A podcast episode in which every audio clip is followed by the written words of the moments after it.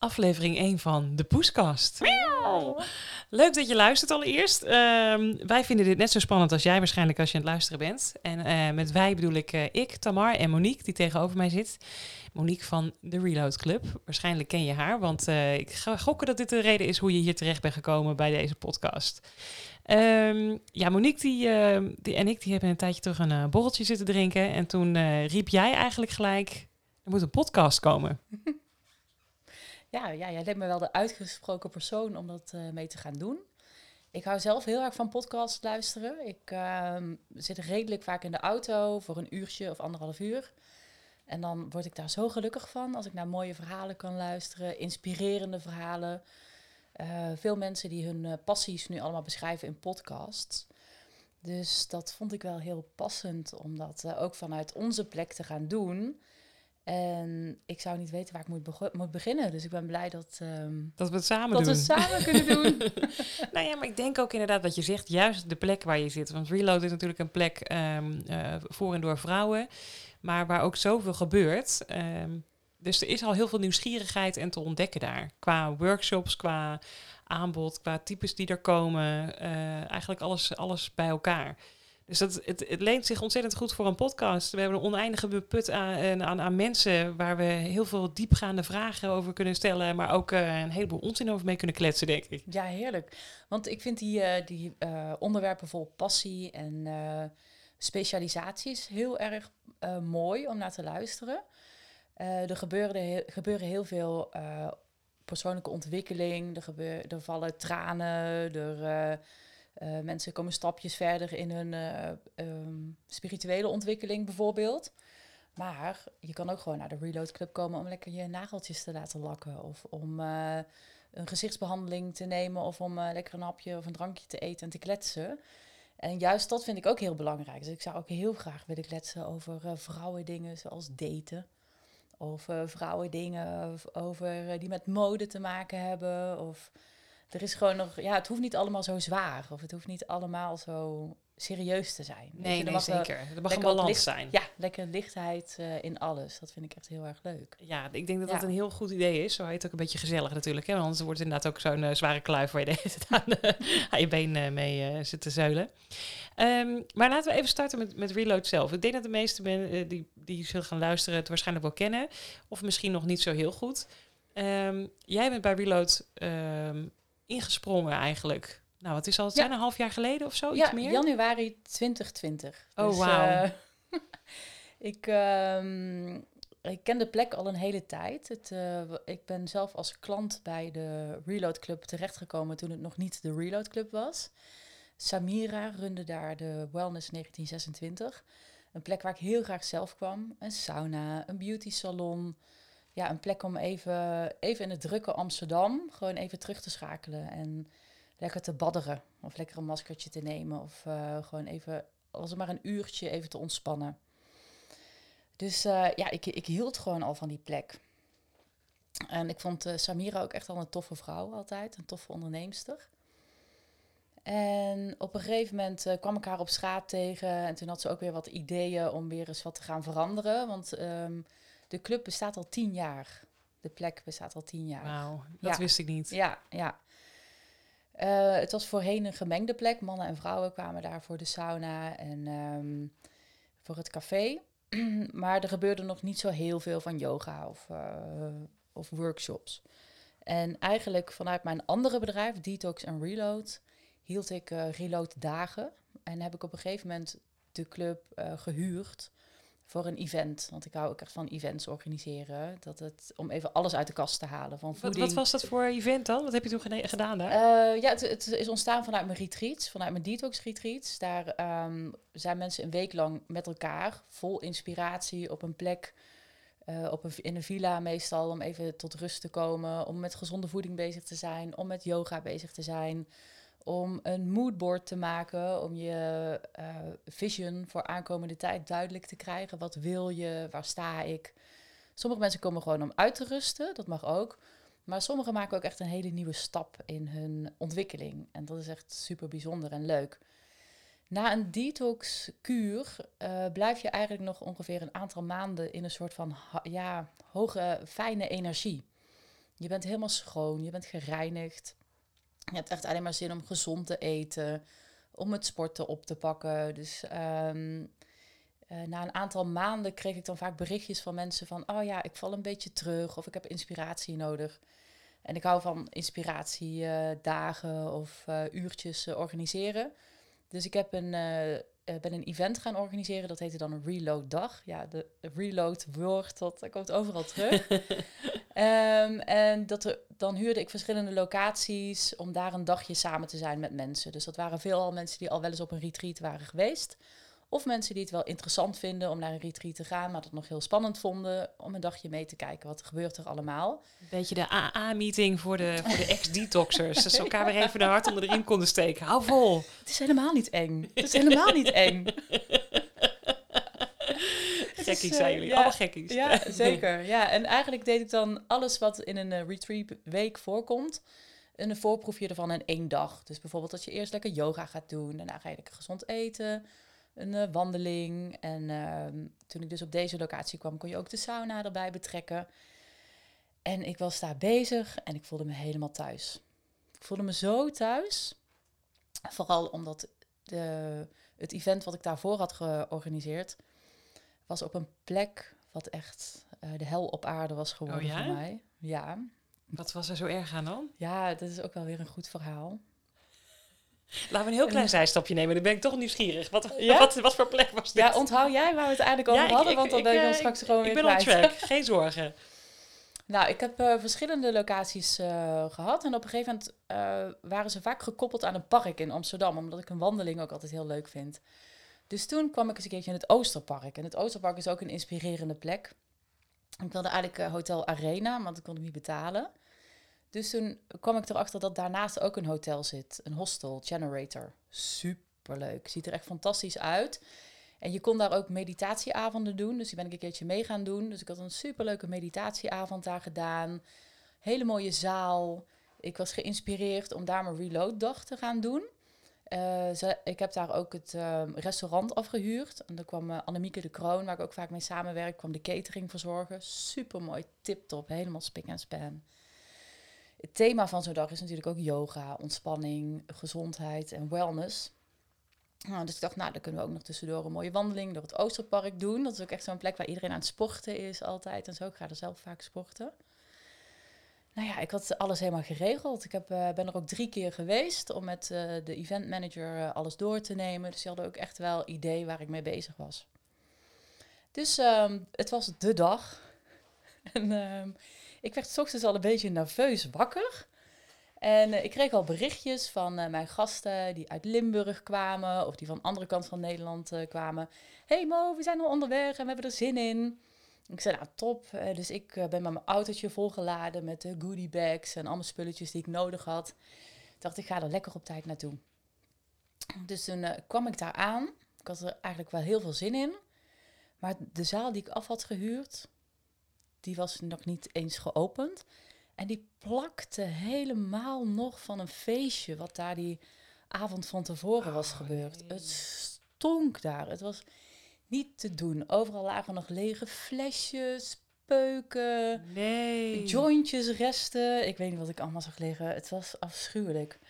Vanaf toen ben ik in een of andere adrenaline rush gekomen. Want ik had toen op dat moment niet bedacht dat ik het ook had kunnen afblazen. Ja, dat, dat doe je gewoon niet. onderweg ja, je doet het niet. Dus ik dacht, ik wil, ik wil het gewoon toch nog perfect maken voor iedereen. Ik wil het perfect maken voor iedereen. Um, dus uh, ik heb die mensen achter de balie ongeveer erachteruit getrokken, over de balie heen. Uh, de schoonmakers uh, daar bij elkaar gezocht. Uiteindelijk is het allemaal schoongemaakt. Het stonk nog wel een beetje. Een meisje daar werkte is een diffuser gaan halen. En um, Jezus. Nou ja, het was echt uh, een vliegende start. Ja. Dus uh, op een gegeven moment, nou de ruimte was een soort van schoon. Er kwamen twee masseurs, die stonden dan bovenin. Uh, en die hadden ook nog allemaal geurtjes bij. Het was eigenlijk wel een soort van, oké. Okay. Dus er kwamen ongeveer tussen de 30 en de 40 mensen die kwamen voor die dag. Uh, op die verdieping waar wij waren was geen toilet. Dan moesten we gewoon twee verdiepingen naar onder, bij de kelder, bij het restaurant wat ik ook had gehuurd. Daar konden mensen dan van de toilet gebruik maken. En toen uh, op een gegeven moment eh, toen ik daar naar die toilet ging, toen was er ook nog een café daaronder. Waar een dikke, dikke 24 house party plaatsvond. Oh mijn god. Het is grappig, want jij zei dit. En ik denk, die naam ken ik maar volgens mij van feestjes. Generator. Ja, ja. ik had er nog nooit van gehoord. En ik, en eh, ze staan nu ook, eh, er worden ook nu allerlei bar en allemaal leuke eh, sportlesjes gedaan. Dus, maar ik was in die adrenaline rush en ik dacht van, oh, dit, het is nu ochtend, het is nu tien uur ochtends, dus ja, dit is bijna klaar. En als ik dadelijk begonnen ben, dan, dan is dit klaar, dan is het opgelost. Ja, ik, ik was het echt even helemaal kwijt. Dus eh, ik had in ieder geval ook een, een, een of andere manager. Ik dacht van, nou, die heb ik ingelicht over wat ik allemaal ga doen. En ik moest op een gegeven moment ook met die mensen bezig zijn. Gelukkig Shelka kwam mij helpen. Die had alle, dat is een, eh, iemand met wie ik vaak samenwerk. Die ving alle gasten op. Eh Damien en Marlies, onze masseurs, die waren er ook om mee iedereen een beetje op te vangen, praatje te maken. Ja, en ik ben in een of andere adrenaline heel die dag gaan afdraaien eigenlijk. Dus ik gaf eerst een yin yoga les, een superleuke les met, eh, met masseurs erbij. Maar je hoorde niet in een... Nou ja, dus toen, de naarmate, die les vorderde, hoorde ik inderdaad wel die, die, die bounce, Ja, de, de die beat. beat. Ik dacht, godverdomme, zijn ze nog steeds niet klaar? Jezus, Mina. En op een gegeven moment, eh, ehm, ja, mijn gasten, die zitten normaal in een mooie fijne villa in Ibiza. Dus ja, die zijn wel gewend aan een nette toilet, zeg maar. Dus die gingen op een gegeven moment, moesten, moesten de eerste naar de toilet. En toen kreeg ik al zo'n gevoel, ja, volgens mij gaat er iets niet goed. Nee, daar zitten natuurlijk allemaal mensen helemaal uit hun reet gewoon op die toilet een beetje door te halen. Ja, en er waren echt super lieve vrouwen, nieuwe eh, dames ook, die via via kwamen. Ehm, die kwamen op een gegeven moment tegen mij zeggen...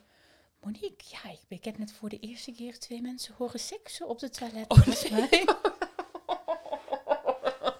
Ik dacht zo, nee, ik ben echt in de hel terecht Maar wat doe je dan ook? Ik wist niet wat ik moest doen. Ik heb, een- ben weer eh, naar die schoonmakers gerend eh, in de pauze. In, in, eh, Annemieke de Kroon was met alle super healthy, lekkere eten aangekomen. Die moest eerst heel de eh, restaurant nog schoonmaken. Nee, oh, wat erg zeg. echt heel erg. Toen we met z'n allen dan daar zaten voor die lunch, toen kwam er echt zo'n een paar van die partygangers door de, door de restaurant, terwijl ik dat helemaal af had gehuurd. Kwamen we daar gewoon helemaal naar de kloten door de restaurant gewandeld. Oh, wat- maar Dit was echt een ramp. Ik heb echt je hebt er niet voor betaald dagen uiteindelijk? gehuild. Twee dagen Ja, gehuild. dat snap ik. Ja, ja, hoe ik die dag überhaupt ja, door Oh. ben gekomen, ik weet het ook niet. Ehm, dus, ehm, nou ja, ik, ik heb het gewoon op, op, op een of andere manier, me- heb ik het gewoon toch het nog een soort van gedaan. Ja. Ja. Jezus, Ja, nee, maar dan snap ik dat je Als ik, bij... nu, als ik het nu ook terug hoor, oh mijn god. Dus ik, was, e- ik heb eerst twee dagen gehuild. Eh, toen heb ik s'nachts, kon ik niet slapen, een hele mail geschreven aan eh de event manager. Die wist waar ik mee bezig was.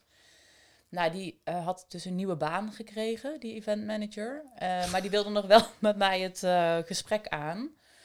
Eh, met eh, de directeur erbij. Want ik kan natuurlijk ook... ehm, ja, ik, ik stond natuurlijk super voor lul. Ja, Maar het is natuurlijk zo'n event, het is een, een leuke terugkomdag, maar het is ook een soort salesdag waarbij mensen weer geïnspireerd raken om eens een retreat te boeken. En al die nieuwe mensen, ja, had ik echt het idee dat die dachten van, nou, wat is dat voor een koekbouws, eh, Ja. die Monique, dan ga ik echt niet op Ibiza zitten op een retreat. Die hadden natuurlijk zo'n heel ander beeld, dus het is ook een soort van schade voor je imago, zeg maar. Dus ik ben met de events manager en eh, de eh, directeur van het Generator Hotel toen nog het gesprek aangegaan. Maar ik werd echt een beetje zo weggewimpeld. ja Zo maar van, dat ja, is toch ook bizar ik hoefde, ik hoefde in ieder geval niet te betalen. Ja, En ze hadden nog wel een hele leuke aanbieding voor mij. Ik zei, nou ja, dit is ongeveer de schade die ik heb ge- gehad als ik een prognose maak. Maar daar gingen ze verder niet op in, want dan namen ze niet echt serieus. Maar als ik daar nog een keertje een eh, event zou eh, organiseren, dan mocht dat voor de helft van de prijs. nou, direct getekend. Superleuk idee. Als ik nog eens een illegale reef wil houden, dan eh, weet ik jullie te vinden voor 25 euro. Oh, gaat het lekker God. zeg. Ja, dus ik heb daar ook heel veel last van gehad. Ja, dat snap ik. Echt, echt, ik heb me echt eh, afschuwelijk gevoeld daardoor. Maar Nou, dan begrijp ik ook dat je bij Reload Club eh, binnenkwam en dat je denkt, wat, een, wat, een, wat heerlijk, alles is schoon. Ja, Er zijn geen rare mensen hier. Ja, ja, ja, Dingen zijn gewoon goed sfeer. afgesproken. Ja, iedereen is behulpzaam en lief. Het is gewoon een plek waar iedereen alleen maar lief is voor elkaar. Dus ehm, ja, ik was uh, ja, zo geïnspireerd geraakt daar. Dus ik ben daar yoga blijven geven. Ik heb de zolder gehuurd, daar bij die, uh, toen het nog de wellness was. En op een gegeven moment van het een kwam het ander. Um, in, jan in december 2019, ik had weer gevraagd om een nieuw jaar met nieuwe uitdagingen.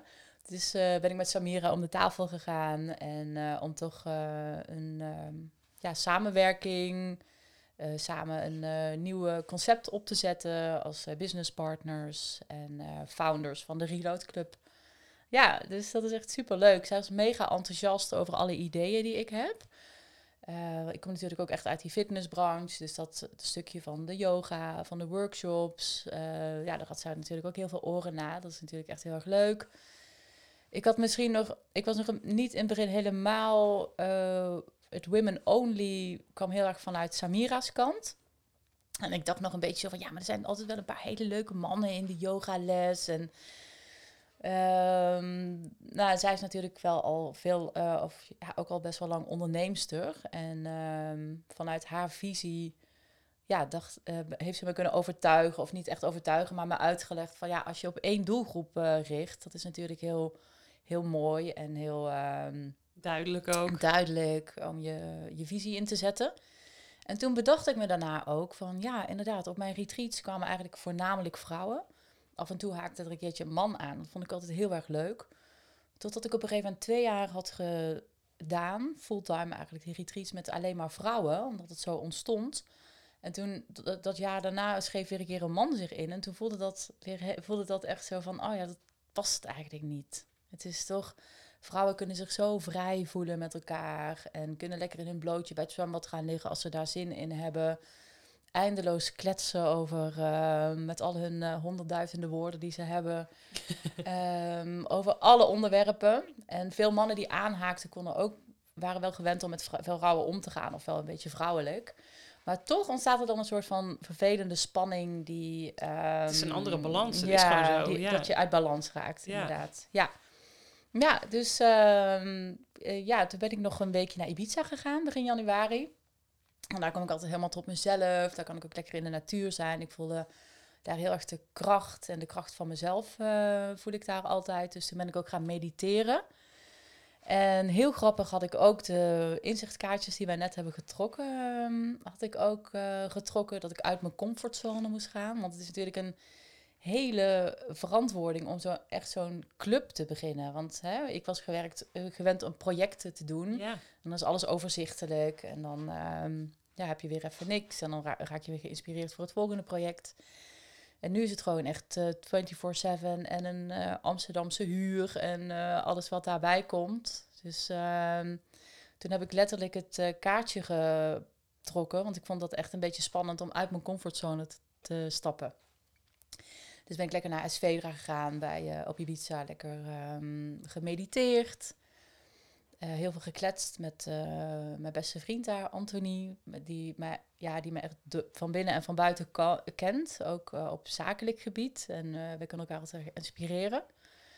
En toen voelde ik op een gegeven moment, ja, ik moet het gaan doen. Waarom niet? Ik moet dit gewoon gaan doen. Dit is mijn nieuwe stap. Dit, ik ga een, een club starten in Amsterdam, waar alles bij elkaar komt wat ik fantastisch vind en uh, wat bij mij past en wat bij me hoort. En inderdaad, alleen voor vrouwen, waar vrouwen elkaar inspireren, sterker maken, mooier maken, gelukkiger maken. En um, ja, ook heel veel lol met elkaar kunnen hebben. En het clubgevoel daar ook neerzetten, dat mensen elkaars naam weten.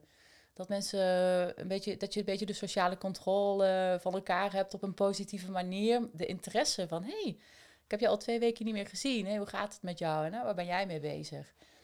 En ja, daar, dat vind ik gewoon heel erg leuk. En dat, dat ging daar. Dus mijn uitdagende jaar was begonnen in januari 2020. Nou, en toen in maart kwam er nog even een schepje bovenop. Ja. Ja. Want dat Ja. is ook wel een ding. Ik, ik, om nog heel veel een stapje daarvoor te doen trouwens. Dat zit ik nu net aan te denken. Dat ik het ook zo leuk vond dat jij ehm, toen ook best wel kwetsbaar hebt opgesteld. In, in, in de manier waarop je eh, op Facebook ook letterlijk zei... hey, ik zoek leuke nieuwe mensen om hier eh, iets mee samen te doen. Mhm. En, eh, en het grappige is dat ik natuurlijk pas een paar maanden later er echt bij, bij jullie binnen ben geweest. Dat ik dan ook echt dacht, jeetje, hoe kom, waar heb je al deze mensen vandaan getrokken? Want er zijn zoveel leuke, bijzondere vrouwen die daar workshops geven. Maar inderdaad, de gekste dingen, we maken er ook af en toe een beetje grapjes over. Omdat het gewoon, ook, maar gewoon naast interessant ook gewoon heel lollig is. Zoals dat je pussy breathings kan doen. Iedereen die ik dat vertel, die zegt zo, wat? wat ga je doen? Ik, ik heb geen flauw idee wat het is. Dus dat, eh, dat is een andere podcast. Maar, eh, maar en inderdaad, ademhalingsworkshops, maar ook, eh eh nou ja, godinnenworkshops, weet ik het wat nog meer. Het is zo breed en je kan zoveel kanten op ehm, om jezelf te ontdekken en te ontwikkelen. Maar waar, hoe komen al deze vrouwen op jouw pad? Ja, dat Behalve is echt Facebook. bijzonder, hè? Dat is Ja. bijzonder. Waar komen ja. die vandaan? Ehm, ja, dat is echt een heel goede, hele, hele goede vraag. Ehm, ik ben ook altijd wel heel erg bezig met mijn intenties en wat ik wil en wat ik voor mijn eh, nieuwe cyclus, mijn nieuwe maandcyclus wil en wat ik eh, graag wil wat er gebeurt. Ik eh, maak ook eh, vision boards, eh, boards, echt ouderwets met tijdschriften en papier. Ja, en eigenlijk kan ik zeggen, al mijn dromen komen altijd uit. Dus alles wat ik oprecht voel dat ik dat wil en dat dat gaat ontstaan, dat gebeurt allemaal zo. Dat pleur jij tijdens de nieuwe maan op een vision board. Hoppakee. En eh, dan plant je die zaadjes en dan komen al die vrouwen als wortels uit de grond schieten. Ja, ja het is echt bizar. Maar, maar ook ehm, eh, laatst toevallig ehm, was ik met ons droomrooster bezig, samen met Samira. En wij eh, hebben nu dus best wel een droomrooster, inderdaad. Alleen dat moet ben ik steeds een beetje bijgeschaafd worden. De tijden, of moet er iets nieuws bij, of moet er iets af, of loopt iets wel of loopt iets niet. En toen dachten we, ja, wat we echt heel graag nog erbij willen, dat is zo'n barles. Zo'n bar Ja, yoga. ja, ja, die hebben jullie nu. Nou, dat hadden we, s ochtends hadden we dat besproken. En eh, s smiddags hadden we een gesprek met een vrouw, die is ook eh, een hele enthousiaste vaste gast. Al eh, van eh, de zaak voordat het de Reload Club was. Dus Samira kent haar al heel lang. En we, we moesten heel vaak aan haar denken, omdat zij ook zo'n topper is in de horeca en enthousiast. En echt zo'n reload chick, zeg maar. Dus eh, we hadden haar eens gesproken en zij zou het ook wel leuk vinden om een steentje bij te dragen. Eh, misschien als host of zo. Dus toen gingen wij daar eens ehm, eh, mee in gesprek, een paar uurtjes nadat we onze wens hadden uitgesproken. En toen zei ze gewoon uit zichzelf, ja, wat ik heel graag zou willen, ik zou heel graag barles willen geven. Jullie echt zo, wat? Ja, ik viel bijna van mijn stoel af. ja. En eh, Samira die eh, was ook heel enthousiast van, nou, dat is echt ongelooflijk, dit snap ik gewoon niet. ja, het is echt zo bijzonder. En ehm, ja, alles, alles komt een beetje via via. Ik heb wel, soms kan ik ook wel weer heel onzeker zijn. Dan denk ik van, ik ben best wel veel nu zelf in die zaak. En dan denk ik van, ja, ik zit hier een beetje de hele dag hier binnen. Eh, ik heb het gevoel dat ik nog niet eh, alles los kan laten. Om naar buiten te gaan, om te gaan netwerken. Wat ik voor mijn andere bedrijf altijd deed. Netwerk borrels, eh, eh, netwerken events. Dus soms dan denk ik van, ja, maar niemand weet het überhaupt dat ik, dat ik hier ben. Weet je wel, alleen 500 mensen op Instagram. en eh 600 of 700 mensen op Facebook. En dan voel ik me echt zo helemaal onzeker. En dan eh, kan ik nu tegenwoordig kan ik wel een beetje terugschakelen. Als ik dan zo'n yogalesje ook, bijvoorbeeld jouw yogales zie, dat, dat er dan zo'n vast clubje komt. En dat het echt een beetje dat clubgevoel is eh, wat ik graag wil. En dan, ehm, ja, daardoor kom ik wel weer terug in mijn vertrouwen. En daardoor ehm, ja, komen, komen mensen toch wel op mijn pad. Maar, eh, dat zei Anthony dus ook tegen mij. Jij zegt altijd, iedereen komt vanzelf op mijn pad. Maar hij zegt, dat is niet zo. Want jij werkt daar al heel je leven ook heel hard voor. Ja. Dus dat vond ik een hele mooie eye-opener. Want voor mijn gevoel komen die mensen allemaal. Maar ik ben natuurlijk ook in deze sector al heel lang aan het netwerken. En mensen aan het leren kennen. Dus ehm, een Nou, combinatie van dat. Ik denk dat het ook wel heel erg helpt, want jij bent natuurlijk iemand die, eh die ben niet voor niets ook een beetje het gezicht gewoon van de Reload Club eh, natuurlijk, eh, omdat, omdat je met iedereen een praatje maakt. Je bent ook, je, je lult iedereen de oren van de kop, maar op een goede manier. Maar je bent altijd op de hoogte, je bent ook geïnteresseerd.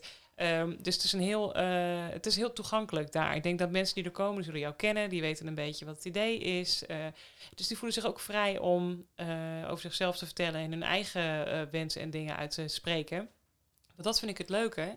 dat wilde ik net, dat kwam net even in me op aan het kletsen was. Ik dacht van, ik vind, wat vind ik bij Reload zo gezellig, is dat het ehm, de toegankelijkheid. Je hebt niet zoiets van, oh, daar zijn de docenten, die komen in en die gaan weg en eh, die doen hun dingetje en de, daar, daar kom je voor luisteren en daarna, eh, weet je wel, daar, er zit Mm. geen muur tussen of zo. Mm.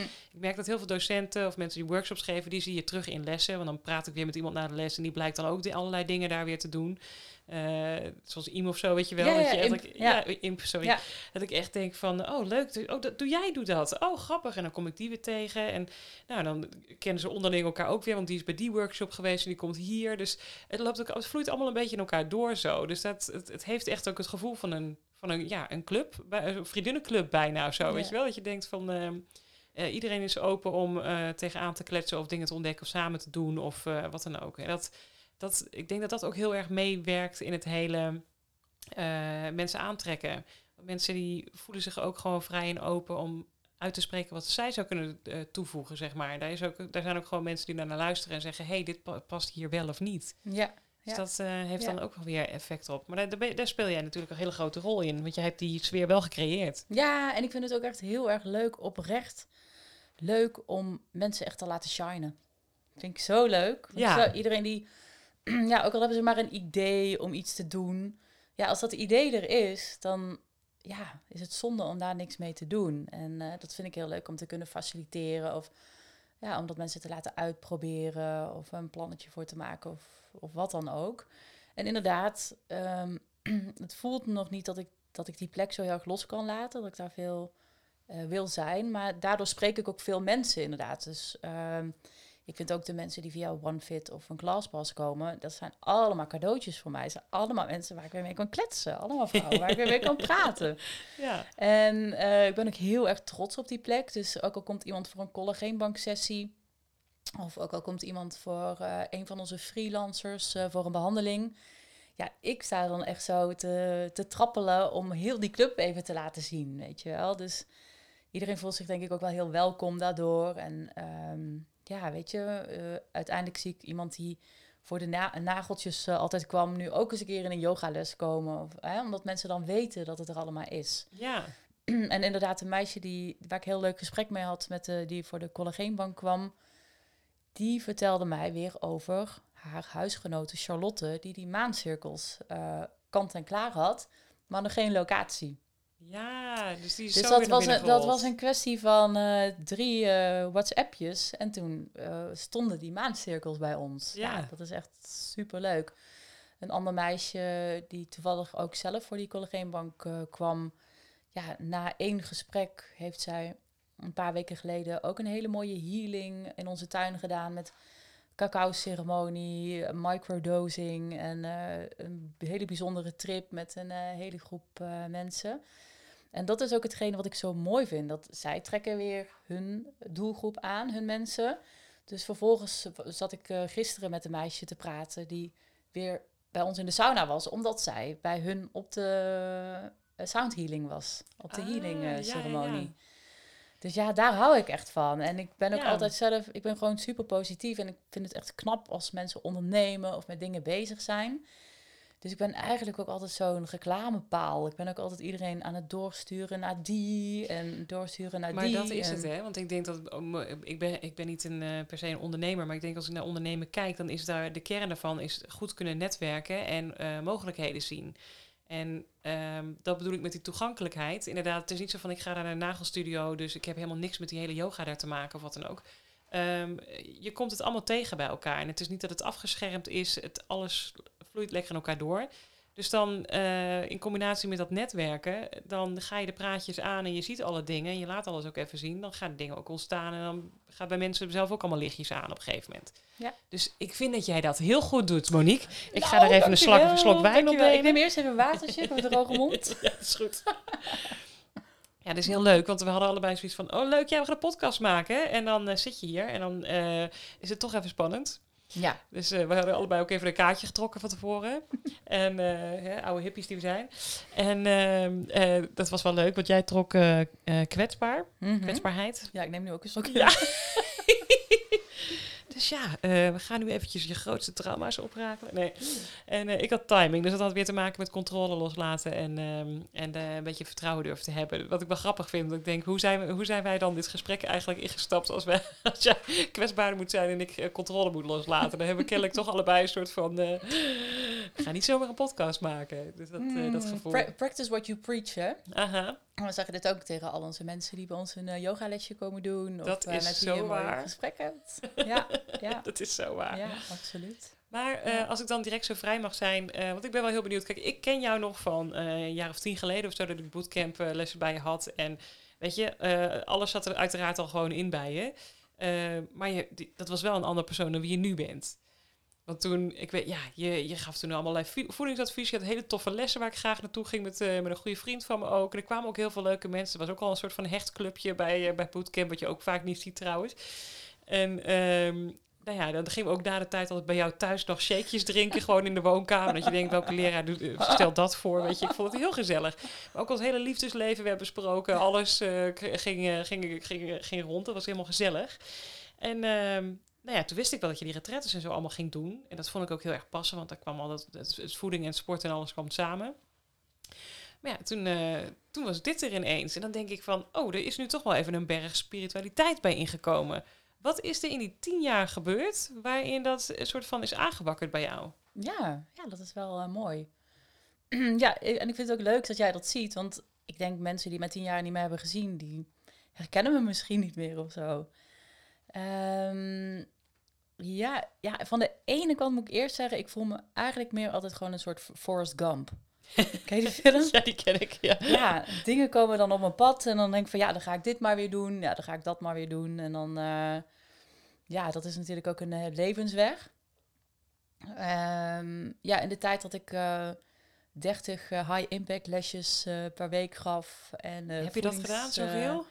Ja, ik had volgens mij ongeveer 20 vaste spinning, bodypump, Oh, steps. eh, Hoe dan? eh, in mijn vrije tijd ging ik hardlopen en tussendoor deed ik ook nog krachttraining, eh, zeg maar. ja, jij werd ja. gewoon niet goed bij je hoofd. Maar goed, ga Ja. verder. Ja. Ja, dus ik denk, ik vond het een, echt een hele leuke tijd. Maar ik had echt helemaal de fear of missing out. Want ik was eigenlijk altijd een soort van heel erg moe, maar dat had ik niet meer in de gaten. Want dan, zodra ik de muziek aanzette, dan ging ik weer vanzelf. Dan ging ik gewoon door. En ik had ook nog natuurlijk een sociaal leven. Eh, en de weekenden waren altijd het leukste om te werken. Dan waren de leukste lessen. Maar in het weekend, ja, tien jaar geleden was ik eh, nog jonger dan nu. dan wilde ik ook uitgaan. Op vrijdagavond stond ik dan vaak nog eh, op de dansvloer tot een uurtje of drie, vier.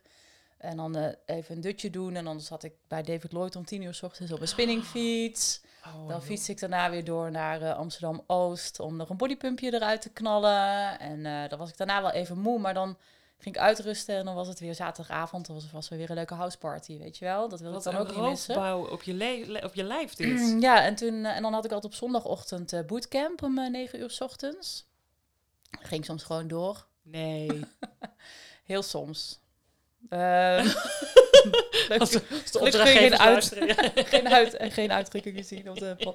Nee, dat werden dan ook altijd de leukste lessen. Dus, eh, dus ja, kort samengevat, ik luisterde niet zo goed. Ik kon niet zo goed naar mijn lichaam luisteren. En ehm, ik was heel eh, competitief. Ik, ik was toen ook met die voedingsbusiness begonnen. Ik, had een, ik huurde een kantoortje in de, in de gym waar ik toen werkte. Voordat ik dat kantoor huurde, had ik daar een sales eh, en marketingfunctie. En zo werkte ik altijd met targets.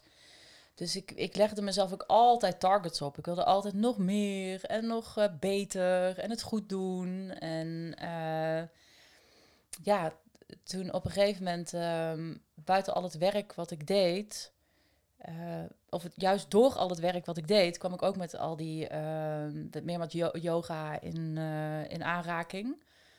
Ehm, Maar heb jij geen breekpunt gehad op een gegeven moment dan? Want als ik dit hoor, denk ik, er moet toch een moment komen dat je gewoon instort. Ja, op een gegeven moment eh, ging ik met een vriendin op vakantie, met eh, Annika.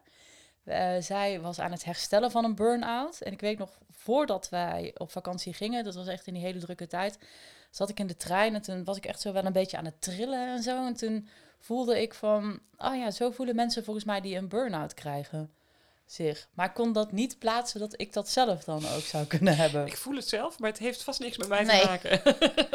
Zo goed eh, was ik toen eh, met naar mezelf, eh, voor mezelf zorgen. Ehm, toen gingen wij, maar wij hadden zoiets van, oké, weet je, we gaan acht dagen chillen bij een all-inclusive ergens in Griekenland. lagen we bij het zwembad tien dagen. Ja, het lukte mij ook niet hoor. We hadden eigenlijk een relaxvakantie, dus ik heb het animatieteam nog geleerd hoe ze beter steplessen konden geven. ik heb eh de Samaria-kloof door gaan lopen. En, eh, maar tussendoor, voor mijn doen, veel, ook veel uitgerust bij het zwembad. Bij het zwembad word ik altijd helemaal blij. Dus ik heb eh, heel veel handstands en trucjes en dingen allemaal lopen doen. Ehm, en ja, door een wisselwerking van lichamelijk en geestelijke stress heb ik waarschijnlijk door dat zwembadwater, maar wat versterkt wordt door niet naar jezelf luisteren, heb ik oorontsteking gekregen. Dus die heb ik, ik heb ongeveer een half jaar hele zware oorontstekingen gehad. Maar dit is, zo- ik vind dit, Ja. ik, eh, eh, zonder nu weer als een oude hippie te klinken, maar hoe typerend dat jij luistert niet naar je lichaam en je oor gaat, eh, raakt ontstoken. Dat soort Ja. dingen vind ik altijd wel, ik denk, Bizar, hè? is toch wel een beetje toevallig. Ja, Dat je lichaam letterlijk zegt luisteren. ja, ja en daar, en nu achteraf valt alles op zijn plekje. Want dan leer ik ook van die healers om me heen. Dat je allemaal eh, emotionele lichamen nog om je heen hebt. Hè, waar je eerst naar kan luisteren. En zodra je daar allemaal niet naar geluisterd hebt, dan komt het je lichaam in natuurlijk. Ehm, nou, ik was natuurlijk echt eh, zo'n eh, zo'n freelancer toen. Dus ik had ook helemaal geen verzekeringen of zo. Hè. Ik had met die oorontstekingen niet kunnen bedenken om muziek te melden of zo. Ik had natuurlijk ook mijn vaste lasten en ik woonde gewoon alleen. Eh, dus ja, eigenlijk wat ik gedaan heb, ongeveer een half jaar lang, zo, wel zoveel mogelijk rust nemen, maar wel iedere dag me opladen om iets te gaan doen. Dus of om een lesje te geven, of om een consult te doen. Ja, en dan, ja, dat, dat waren wel hele inspanningen, hè, met zo'n eh, microfoontje, klemmetje bij je oren en zo, weet je wel. Oh, ja, ja, het dus naaste wat je wil ja, ja, dus dat was wel echt heel pittig. Maar ja, ook omdat ik zo streng was, moest ik van mezelf doorgaan. Maar ja, wel twintig tandjes terug ongeveer, zeg maar. Dus eh, ja, ik kon wel nog eh, rondkomen. En ik had er nog ja, dan net genoeg factuurtjes kon ik uitsturen om, Om een Ja, beetje rond te komen. om rond te komen. Ja, en tussendoor, ehm, ja, eh, sliep ik veel, maar dat lukte ook niet echt met die oorontstekingen. Eh, en begon ik mezelf eigenlijk tegen te komen. Dat was wel het eh, proces. Ja, dat je denkt van, oh ja, ja er moet wel, wel iets gebeuren. veranderen. En is yoga toen het eerste geweest wat, wat Ja, ik had yoga wel al iets eerder ontdekt. Bij David Lloyd werkte ook Skadi, Skadi van Paarsen. Dus er was echt, ehm, zij gaf yin yoga na mijn spinningles op vrijdag of zo. Dus zij was eigenlijk eh, de eerste yogales, waar, yin yogales, waar ik helemaal tot ontspanning ben gekomen.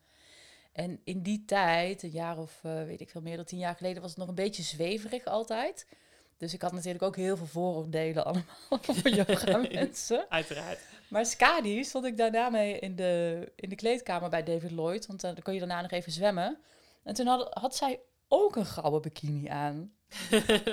en eh, ze had echt zo'n cool verhaal dat ze ook eh, stuntvrouw was geweest. En in New York had gewoond. En echt dat ik dacht van, oh wauw, coole mensen kunnen ook yoga Kunnen ook doen. yoga doen. Wat mooi. En ik zag het toen ook heel, eh yin yoga heel praktisch. Omdat ik zoveel sportte, kon ik echt stretchen en herstellen. En zorgen dat ik geen blessures kreeg. En, ehm, en daarbij kwam dat ik voor de eerste keer echt die ontspanning eh, kon ervaren. Ja, en eigenlijk is toen eh, heel mijn proces begonnen. Dus eh, de retreats. Ja, ik vind het heel leuk om voor mensen te zorgen. En dat doe ik heel graag. En ehm, ja, uiteindelijk heeft het mij ook heel veel gebracht. Want... ehm, ja, als je zelf zoveel retreats organiseert, vind ik dat je zelf ook op een retreat moet gaan. En ik deed dat samen met Corina. En dat was ook heel intens. We, hebben echt een hele intense tijd met elkaar meegemaakt. Want we waren vaak voor weken lang samen op Ibiza. Om dat allemaal op te zetten. Dus we waren dagenlang samen. We aten samen. We sliepen eh, naast, onderhand naast elkaar. Omdat we vaak op één hotelkamer sliepen. Ehm, dus eh, ja, wij waren ook wel echt spiegels voor elkaar, waar we heel veel eh, van hebben kunnen leren. En eh, op een gegeven moment eh, ben ik toen ook vrij snel zelf eens een keertje met ademwerk in aanraking gekomen. Want nou ja, door al die stress die in mijn lijf zat, had ik ook, en van al die krachttraining, een chronisch pijntje in mijn schouder. Dus uh, na alle therapieën, dry needling, masseurs, weet ik het allemaal, ben ik gaan ademen met Tom, met wie ik nog steeds wel eens samenwerk. Oh, hij doet die ijsbad. nee, dat is, dat is Roy. Oh, dat is ja, Roy. Die, die ken ik dan weer via Tom. Oh, oké. ja. Maar toen heb ik echt één op één sessies ademwerk gedaan. heb ik ook echt dat pijntje eruit kunnen ademen. En was dat voor jou, want uh, ik vind het grappig, want ik vraag jou nu een beetje eigenlijk naar je spirituele ontwikkeling en ik hoor jou nog steeds heel praktisch daarover vertellen. Mm -hmm. um, dus dan vraag ik me af, hoe was die ademhalingssessie voor jou als um, ervaring? Was dat inderdaad, oh, ik heb een pijntje weg kunnen ademen? Of had jij zoiets van, oké, okay, ik raakte nu echt een andere laag aan dan, ik ben streng voor mijn lichaam geweest, maar ik, er, kwam iets anders naar boven. Wat... Nee, het was nog steeds wel heel praktisch. ja, ik ben eigenlijk, ik ben, ik ben heel veel met spiritualiteit bezig, maar ik ben eigenlijk ook een uh, hele nuchtere Brabander. Ja, ja wat ja. heel goed samengaat. Ja, ja absoluut. Uh, dus eigenlijk het... Um, uh, spirituele stukje met ademwerk, daar ben ik weer een paar ademcoaches verder bij, uh, bij terechtgekomen. Ja, ja. Ja. Mag je over uit, uitweiden hoor, Monique? Ja. ik zie jou heel veel. Of zeg je van, dat was zo intens dat... Uh, um, dat knal ik niet op de podcast. De nou ja, ja, iedereen mag alles, uh, alles van me weten hoor, dat maakt me niet uit. Um, practice what you preach, dus uh, mm. dat thema. Um, nou ja, ik denk dat het, de, de, mijn spirituele ontwikkeling ook heel erg uh, te maken heeft dat ik veel op Ibiza ben geweest. Omdat je daar heel veel met uh, de natuur bezig bent en weer merkt van, oh, ik ben eigenlijk een natuurwezen, weet je wel. Ja. Uh, die volle maan heeft echt invloed op mij en ik kan me op bepaalde plekken kan ik echt de energie voelen. En um, ja, er kwamen natuurlijk ook steeds andere mensen op mijn pad. Ik leerde andere mensen kennen. En... Um, ja, eigenlijk het, het, spirituele voelt voor mij eigenlijk ook altijd heel erg logisch. Ja. Dus um, op een gegeven moment kwam er een healer op mijn pad, die een of andere Reiki 2.0 um, uh, uh, behandeling bij me deed. En dat, dat, dat, voelde, dat voelde logisch. Uh, ik ben zelf ook wel heel erg gevoelig. Oh, dus ik kan me altijd helemaal inleven en voelen hoe iedereen zich voelt. En eh, eigenlijk van kinds af aan ook wel voelde ik ook wel energieën van, uh, ja, misschien mijn opa of mijn oma of, of dat soort dingen. Dus ik vind, dat, ik vind eigenlijk ook niks gek. En eigenlijk zijn die uh, healers en die inspirators die ik allemaal tegen ben gekomen, altijd een soort van bevestiging. Van, oh ja, zo dacht ik het altijd al of zo voelde ik het altijd al. Net als wat ik straks vertelde met die moodboards. Um, uh, ik denk ongeveer 15 jaar geleden, of misschien bijna 20 jaar geleden, kwam ik op een lezing bij Roy Martina. Dat is een heel holistisch arts. Die werkt echt met de kracht van positief denken, met uh, manifesteren, met kwantumfysica. Uh, kwam ik met een vriendin, met Indra, terecht. En wat hij allemaal aan het vertellen was, dat was echt alleen een bevestiging van, oh ja, zo denk ik ook. En wat fantastisch en wat goed. Dus...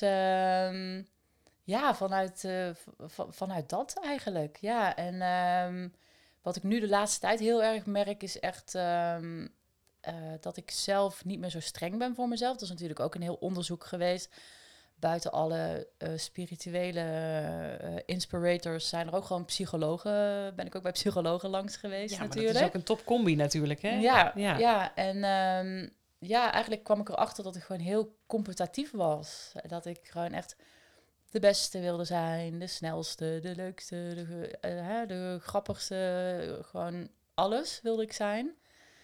Ja, en door de jaren heen ben ik daar een beetje achter kunnen komen dat dat helemaal niet nodig is. En uh, uh, dat, uh, ja, ben ik dat onderzoek gaan doen van waar komt dat vandaan? Um, hoe is dat gekomen en hoe is dat ontstaan? Um, omdat je ja, natuurlijk dat het vanuit vroeger al komt. Vanuit misschien toen je babytje was of vanuit uh, dat je peuter of kleuter was. Dus dat uh, heb ik allemaal bij mezelf ontdekt en plekjes gegeven. En um, ja, met hulp van, van alle, van psycholoog tot een ademcoach tot, uh, tot een mo mooie cirkel die ik gedaan heb, is dat allemaal op zijn plekje gevallen. Hè? Dus mensen vragen vaak ook om een kant-en-klaar advies. Pas had ik een heel gestrest meisje van, oh, welke workshop moet ik dan doen? Ja, dat kan je natuurlijk niet zeggen, want je moet alles uitproberen. En het is gewoon, ieder, ieder, alles wat je doet, dan kan je weer een stapje verder brengen. En uh, En ieder zijn pad is zo verschillend inderdaad. Hè? Wat voor de een werkt, hoe voor de ander weer niet te werken. Ja, ja. Maar ik vind het wel leuk dat jij zegt, ik ben altijd competitief geweest. Terwijl ehm, dat is dan eh, ergens vind ik heel interessant, omdat jij naast dat je misschien heel competitief bent, het wel altijd in je hebt gehad dat je ook het beste uit andere mensen wil halen.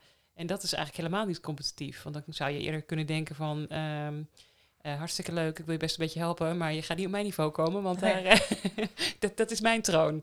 Maar dat, die vibe Ja. heb ik bij jou eigenlijk nooit echt zo gevoeld. Ik heb meer het Ja. idee, wat jij nu ook heel erg vanuit je kracht doet bij Reload, van ik wil andere mensen ook de mogelijkheid geven om ehm, hun beste kant te vinden. ja, ik was gewoon een sociaal competitief eh, persoon of zo. Ja, hoe, leg je dat Nou uit? ja, ik denk, ehm, ik, ik weet nu inmiddels waar het vandaan komt. En nu we toch met mijn kwetsbaarheid bezig zijn. Ehm, ja, weet ik dat het eh, komt door de band die ik met mijn moeder heb. Dus mijn moeder was eigenlijk, eh, volgens mij ook toen ik geboren werd, eh, heel erg depressief. Dus, eh, waar zijn de tissues? nee, dus ehm, eh, eigenlijk, mijn moeder zag mij eigenlijk niet eh, staan. En ehm, nu wil ik nog steeds haar dan verdedigen, maar ze was heel depressief hoor. Mm. Maar ja, het kwam erop neer dat ze mij niet zag staan en dat ze gewoon heel erg met haarzelf bezig was. En dat is gewoon hetgene waar dat competitieve vandaan komt. Hè? Dat ik aan mijn moeder wilde zien dat ik de beste op school was. En dat ik, eh, weet ik veel, eh, dingen heel goed had gedaan of heel mooi had gemaakt. Of, of wat dan ook. En ik wilde voor haar, ik wilde voor haar ook heel lief zijn. Dus ik wilde uit haar ook het beste halen. Ja, dus eigenlijk heel bijzonder, want daardoor ben ik eigenlijk een soort van, denk ik wel, als kind al gaan, was echt mijn vraagstuk, hoe kan je iemand anders zich goed laten voelen? En, Want je eh, wilde dat oplossen waarschijnlijk ook. Ja, Voor haar en daarmee ook een beetje voor jezelf. ja, ja, ik wilde eigenlijk gewoon alleen maar dat zij zich goed voelde. Want als je kind bent, dan wil je gewoon dat je moeder gelukkig is. toch? Ja, tuurlijk. Ja. Ja, dus eigenlijk als ik nu achteraf bedenk, dan was ik altijd dingen aan het verzinnen. Of ik was ook echt altijd wel, ja, wat ik kan, me kan herinneren eh, toen ik ging lezen, dingen aan het lezen over je goed voelen, over positiviteit, over mindset. Eh, ja, dat, ehm, ja, dat je je mindset ook kan veranderen. Dat je, eh, dat je negatief kan omdraaien naar positief. Ehm, ja, die, die, die weg is daar begonnen. Dus dat is eigenlijk een combinatie van dat allebei. Hè? Dus wat ik voor, voor mijn moeder wilde, ja, ik wil dat voor iedereen. Weet je wel, ik eh, ben gewoon ook een beetje hippie. Die wil dat iedereen zich goed voelt en dat iedereen lief is voor elkaar. Ja, maar ik snap ook best dat het daaruit voortkomt. Dat je ehm, het effect van eh, niet gezien worden, eh, ken jij natuurlijk als geen ander. Dus dat je dat daar heel graag voor anderen wil voorkomen. Van ik wil niet dat andere mensen dat gevoel ook krijgen. Dus iedereen die mij tegenkomt, die wil ik, wil ik zien. Ja, Weet ja, je, dat dat ja. misschien een beetje het effect daaruit is Ja. of zo. Ja. Ergens is dat ook helemaal niet erg. Hè? Ik denk van bepaalde dingen eh, overkomen je en daar moet je een weg mee vinden. Eh, maar eh, los ze misschien niet helemaal op in je leven of zo. En dat is misschien ook prima, want zolang het niet ten koste van jou gaat, kan je er ook hele mooie dingen mee eh, voor elkaar krijgen. Ja, ja, Dus- maar die zo- balans moet je even vinden misschien, hè? Van, Ja, zo hoe gaat het niet ten koste van jou? Ja, en het besef. Want eerst ga je het Ja. snappen natuurlijk. Hè, met eh, psychologische sessies ga je het snappen. Of op een gegeven moment, ja, ik heb ehm, ja, niet spiritueel hele heftige dingen gedaan hoor. Ik heb niet die ayahuasca's en dat soort dingen allemaal gedaan. Op een maar dag gewoon, bij reload. Nee, maar wel met, eh, met mediteren en met voelen en bij je gevoel komen. eh, ga je het op een gegeven moment snappen van, oh ja, ik snap dat dat, dat, dat van mijn moeder vandaan komt en de band die ik met mijn moeder had. En ja, dat, dat gaat dan heel ver. Gewoon ook omdat ik, ik, ik ben best wel een beetje een nerd met relaties. Dus dat komt daar ook een beetje vandaan, zeg Ja? maar. Ja, Hoe uitzicht dat dan? Ehm, ja, dat is het verhaal wat ik nu, wat ik snap, wat ik op een gegeven moment snapte en wat ik mezelf ook heel vaak ging vertellen. Maar wat ik nu weer eh, geleerd heb van eh, iemand, eh, dat ik dat ook weer los mag laten, dat verhaal. maar als ik dan naar vroeger ga, dan, ik was altijd aan het knokken om gezien te worden. Maar soms was mijn moeder ook manisch in plaats van depressief. Dus dan was ze all over the place. Dus die wilde dan een soort van alles inhalen. En helemaal ja, eh, in mijn nek, eh, bovenop mijn nek zat eh, te hijgen, zeg maar. Dus ik snap nu met, ehm, met daten, in mijn datingcarrière, had ik vaak dan de foute gast, was zo'n metafoor van mijn depressieve moeder. En die hele lieve, verliefde mannen was, was een beetje het gevoel wat ik kreeg als mijn moeder manisch was. Ja, ja, ja. Ja, dus... je kan het bijna niet goed doen dan ook. Nee, Ja. nee, nee. Ehm, dus op een gegeven moment snapte ik dat. En op een gegeven moment kon ik dat verhaal dan vertellen. En eh, wat ik echt haatte aan mijn moeder, dat zij altijd zo'n slachtofferrol innam. Want ik heb echt zo'n, ja, echt een hekel aan dat slachtoffergedrag. Ik denk altijd van, draai het gewoon om. Kom, op. jij bent dan weer het overgestelde geworden. Ehm, dus nu, een tijdje geleden, had ik dan weer een hele mooie healing. Toevallig bij eh, onze imp. Eén op één met eh, ademwerk. En zij werkt met allemaal eh, spirituele krachten en energieën. En toen trok ik ook van tevoren een kaartje. eh, en daar stond ook iets beschreven over de slachtofferrol. Dat ik daaruit moest. Maar ik heb mezelf nog nooit als een slachtoffer beschouwd. En toen zag ik in één keer van, oh, ik, ik heb mezelf gewoon ook een slachtoffer gemaakt van die ervaringen die ik mee heb gemaakt. Want het verhaal blijf je dan op een gegeven moment vertellen, want dat is zo. Ja. En toen, eh, kwam, toen hadden we een hele mooie sessie en toen voelde ik ook echt van, ja, dat verhaal is ook weer geweest. En dat Wat heeft zijn mooi. plekje en ehm, ja, op naar het nieuwe verhaal. Voel jij je gezien op dit moment in je leven? Mm, ja. Ja, eigenlijk wel. Ja. Ja, ja, ik heb, ik heb ehm, ehm, ja, hoe moet ik het beschrijven? Eigenlijk met, ja, ik heb heel veel dankbaarheid om me heen. Dus dat vind ik wel, dat, ik voel me wel echt heel erg gezien en gewaardeerd. En ehm, ja, mijn moeder kon dat niet, die complimentjes geven of eh, dat beschrijven. Maar ik, voel, ik weet al dat ze trots op mij is.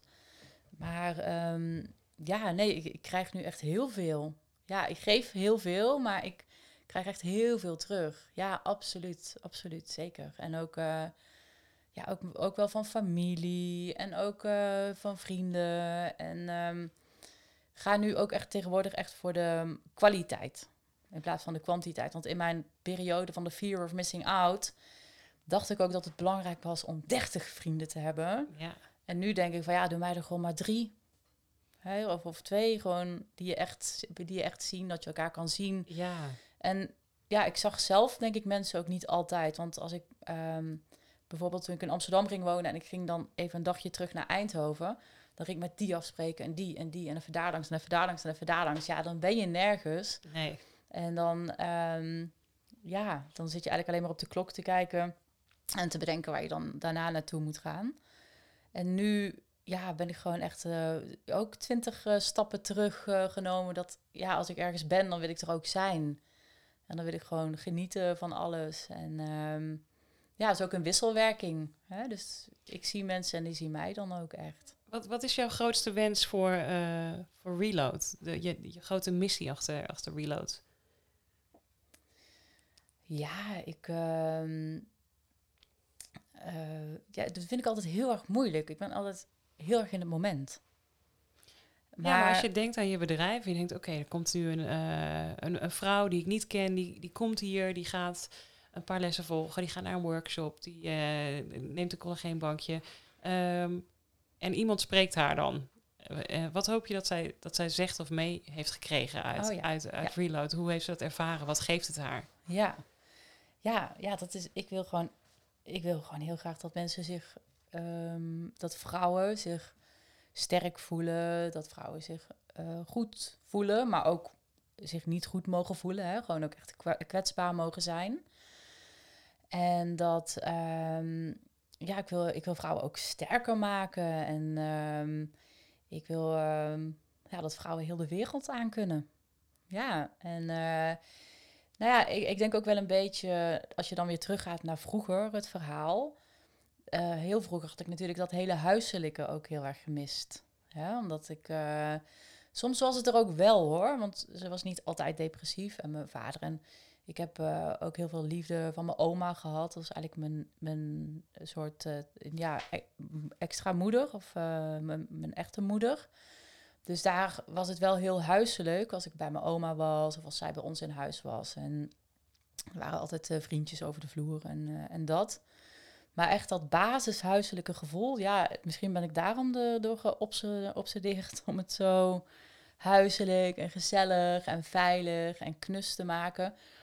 Ja, voor iedereen, maar al, alles is een spiegel. Dus ook voor mezelf natuurlijk. Ja, ja, ik zit gewoon af te vragen nu dat ik denk van, oh, het is zo'n, hoe, een beetje hoe ik dan reload misschien zelf ook invul, wat voor plek het zou kunnen zijn, wat het betekent voor mensen. De, de vraag die bij mij net opkwam was van, goh, ehm, is het, ehm, zou dit een plek zijn dat als jij je moeder toen ze jonger was had kunnen spreken met de persoon die je nu bent, zou je haar dan naar Reload Club sturen? Van, ik denk dat je daar lekker kan ontspannen en misschien wat dingen kan ontdekken over jezelf of je veilig kan voelen of wat dan ook. Ja, ja, zeker. Ja, ja, dat absoluut. Dat is best wel mooi. En, en ook uh, gaat het natuurlijk wel een stukje terug naar die eh, hele drukke periode met mijn oorontstekingen. Ja. Had ik ook graag naar zo'n uh, plek willen gaan waar dat dan al allemaal kant en klaar is. Ja, precies. En um, dat die weg makkelijker zou zijn. Ja, en, en, dat ik nu en dat ik ook heel veel vriendinnen om me heen heb met burn-outs, die burn-outs hebben gehad.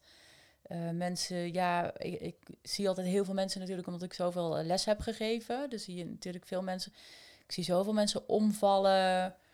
Uh, omdat iedereen maar denkt dat het zo belangrijk is om te presteren of veel geld te verdienen of dat. Maar, is dat een ja, stukje wat jij ook gemist hebt misschien in de, uh, in de hele sportwereld? Dat je denkt van, eigenlijk zou daar ook meer balans in moeten zijn. Zoals uh, Reload misschien meer aanbiedt. Van je kan sporten, maar dus ook een stuk mentaal sport wat je eigenlijk wat je aanbiedt. En naast het harde trainen ook het ontspannen. Het, ja. ook het leuk maken voor jezelf. Dat, daar, dat die balans eigenlijk in het algemeen wat meer aanwezig zou moeten zijn. Heb je dat idee? Um, ja, ik heb niet echt topsport gedaan natuurlijk. Hè. Het, het was wel een soort topsport. Ja, ik, maar, ja sowieso. Maar, maar, er zijn natuurlijk heel veel mensen tegenwoordig die naar sportscholen gaan. Uh, tenminste, dat, dat, ik haal het altijd even aan. Uh, dat we altijd maar door moeten gaan. Hè? Wat jij ook al een beetje had. Ja. Van, oh, ik heb hard gewerkt, maar heb ik weinig vrije tijd. Maar dan moet ik wel hard gaan trainen, want ik moet ook slank zijn. Ja. En uh, geen tijd om even een yin-klasje te gaan doen. Of een massage of mijn nagelslakken of zo. Misschien als ik echt mijn best doe ik heb letterlijk vriendinnen die daar een, een mamadag voor gingen inplannen, zodat ze eventjes zo nagels konden laten bijwerken, weet ik van nog meer. Maar dan denk ik, eigenlijk is dat best wel gek dat je op heel veel plekken, uh, ik weet niet of het zo is hoor, maar ik zit er nu gewoon eventjes hard, hard op over na te denken. Dat als je ergens gaat sporten, dat, dat de andere uh, ontspanning of het mentale gedeelte, of juist inderdaad wat leuks ernaast, dat dat, dat dat een beetje hand in hand moet gaan. Zodat je niet ja. alleen maar geconfronteerd wordt met, je moet maar alleen maar knallen, knallen, knallen, maar dit hoort ook bij sporten. Het ja. strekken, het ontspannen, het voor jezelf zorgen. Ja. Radicaal voor jezelf zorgen. Hè? ja, nee, absoluut. Ja. ja. zeker. Ja, ik heb dat... Um, ja, in mijn uh, sportcarrière, uh, uh, zeg maar, mm-hmm. zat ik wel bij hele leuke clubs. Dus ik ben daar ook wel door geïnspireerd, dat leuke clubgevoel, zeg maar. Ja. Maar ja, ik was natuurlijk ook super streng voor mezelf. Ja, dus als, er, als er hè, een, een, deurtje daarnaast was waar ik dan even voor een, um, voor een cirkel naartoe kon om me kwetsbaar op te stellen met allemaal soortgenoten, dan ja, dat zou tof, super tof zijn geweest. Ja, want ik denk, jij bent ja. wel die yoga gaan doen doordat het bij een sportschool ook werd aangeboden. Ja. Anders was je er misschien minder snel. Ja, dat uh, vond ik stom. Ja, nou exact. Precies dat. Dus dan, de, als, die, als die balans wat, um, wat normaler zou zijn. Dat dat, dat, dat dat ook onder het hele self-care, sport, gezond leven uh, wordt opgenomen en ook hiermee geconfronteerd wordt. Ik denk dat dat zoveel zou kunnen aan, uitmaken. Maar goed, ja. daar ben ik nu aan het invullen. Dat, uh, dat idee kreeg ik gewoon een beetje dat ik denk, oh ja, zo ben jij erbij ja. gekomen. Misschien, ja. Uh, ja. ja. Ja. nee, het is wel uh, iets wat je creëert, wat je zelf, waar je zelf altijd behoefte aan hebt, hebt gehad, wat je, wat je wil. Ja, um, ja eigenlijk vind ik het is wel leuk toen ik nog veel meer ging netwerken en dan wel eens presentaties gaf over mezelf en wat ik deed. Dan hoorde ik wel eens van die jonge mensen van wauw, die mevrouw die doet gewoon echt alleen maar wat ze leuk vindt. Klopt. en toen dacht ik van ja, ja, ja. inderdaad. Gewoon um, ja, voordat iets uh, saai gaat worden, voordat je er geen inspiratie meer van krijgt. Ja, het moet gewoon echt ja, echt heel, uh, heel leuk blijven. Vind je dat spannend van Reload Club? Dat je denkt van, oh ja, dit is niet zoals je projecten, je hebt een begin en een eind. Maar dit, dit is een uh, doordenderende trein natuurlijk. Ja, ja. Um, ik, vind, ja nee, ik vind het nu nog steeds echt alleen maar leuk. En het voordeel is ook dat ik het niet helemaal alleen doe, maar Ja. met Samira samen. En wij zijn echt wel de dream team eigenlijk. Want al die dingen waar ik echt helemaal benauwd van krijg, zoals een eh, boekhouding, zoals eh, Excel-sheets maken. ehm, ja, en nog een heleboel andere dingen waar, waar ik geen energie van krijg. Wat, wat ik ongetwijfeld allemaal kan, maar wat me heel veel energie kost. Dat vindt zij juist heel erg leuk. Hè? Dat is haar kracht. En ja, hetgene wat ik het liefste doe, doet zij het minste, minst graag. Ja, dat is top. Ja, dus dat is wel echt heel erg fijn. En ehm, ja, het is eh, niet mijn droom om daar nu de aankomende tien jaar zelf nog alleen maar heel hard te gaan werken. Eh, we zijn natuurlijk ook wel met een dream team bezig om in te werken. En ehm, ja, want eh, ik, ik zie wel dat dagen van eh 9 uur s ochtends tot eh 10 uur s avonds, dat je dat niet heel lang kan blijven doen Nee. en moet willen doen. En nu beetje bij beetje komt heel dat dream team bij elkaar. Ja, nu ook nu ik hier met jou zit, staan Anna en Ingrid daar. En dan voel ik me helemaal ontspannen en blij en vertrouwd dat het daar allemaal goed gaat. Dus ja, er liggen nog genoeg uitdagingen. Loslaten, hè? Loslaten. Ja, het eeuwige Ja. loslaten. Ja. De ellendigste taak in ons leven. Ja, Wat, ehm, want ik denk dat we hem zo gaan afronden, want eh, ik kan uren met je blijven lullen. Maar ik denk dat we uiteindelijk, ik heb nu ook al heel veel zin om alle eh, mooie vrouwen die allemaal in, eh, in je Reload Club komen te gaan spreken. Wat is jouw, ehm, wat is jouw grote droom voor Reload Club? ja ik wil dat, dat we op een gegeven moment, dat wij binnenkort een begrip zijn. Hè, dat, eh, dat, het, dat het zich gaat verspreiden. Wat al wel aan het gebeuren is, maar wat nog wel op een wat grotere schaal mag. Dus dat we echt een begrip zijn van, oh ja, de Reload Club. Net als dat je, als je een huis zoekt, naar Funda gaat. Hè? Of dat je een aantal van dat soort bedrijven hebt, dat je altijd weet dat je daar naartoe gaat. Dus ik wil echt heel graag een begrip zijn. En dat het ook toegankelijk wordt voor alle vrouwen in Nederland. eh Nederlands sprekende vrouwen nu in ieder geval. Dus het eh, online eh, gebeuren eromheen, dat eh, lijkt me echt fantastisch. Dat, dat, je, dat je alle vrouwen waar ze ook wonen kunnen inspireren.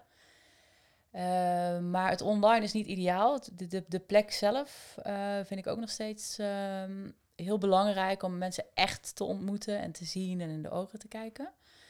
Dus ja, wie weet kom, komt er nog wel eentje in Rotterdam en eh, Leeuwarden. Oh, dit vind ik en, interessant. eh, ik kan Brussel. Me, ik kan me, ik en- meen me iets te herinneren dat jij ooit zei van, nou, ik heb niet, het is niet per se mijn doel om eh, te gaan uitbreiden gelijk. Maar dat, daar zit jij dus toch wel een beetje over na te denken. Nee, het is niet, niet echt mijn doel, maar als ik dan zo nu... Ik, het is ook spontaan nu ontstaan, met het Ja, nee, dat- fantaseren. daar hou ik niet van. met het fantaseren over, over wat je dan wil. En dan, ja, als je in, eh, weet ik veel, in eh, Brabant woont, is het ook wel handig dat je daar dan naar zo'n leuke club kan. Hè? Want er zijn steeds meer mensen met spiritualiteit bezig, met awareness, met de sustainability. Ook die jonge meiden die allemaal in onze yogalessen komen eh, en in ons badhuis, die via een OneFit of een Classpass, dat zijn millennials.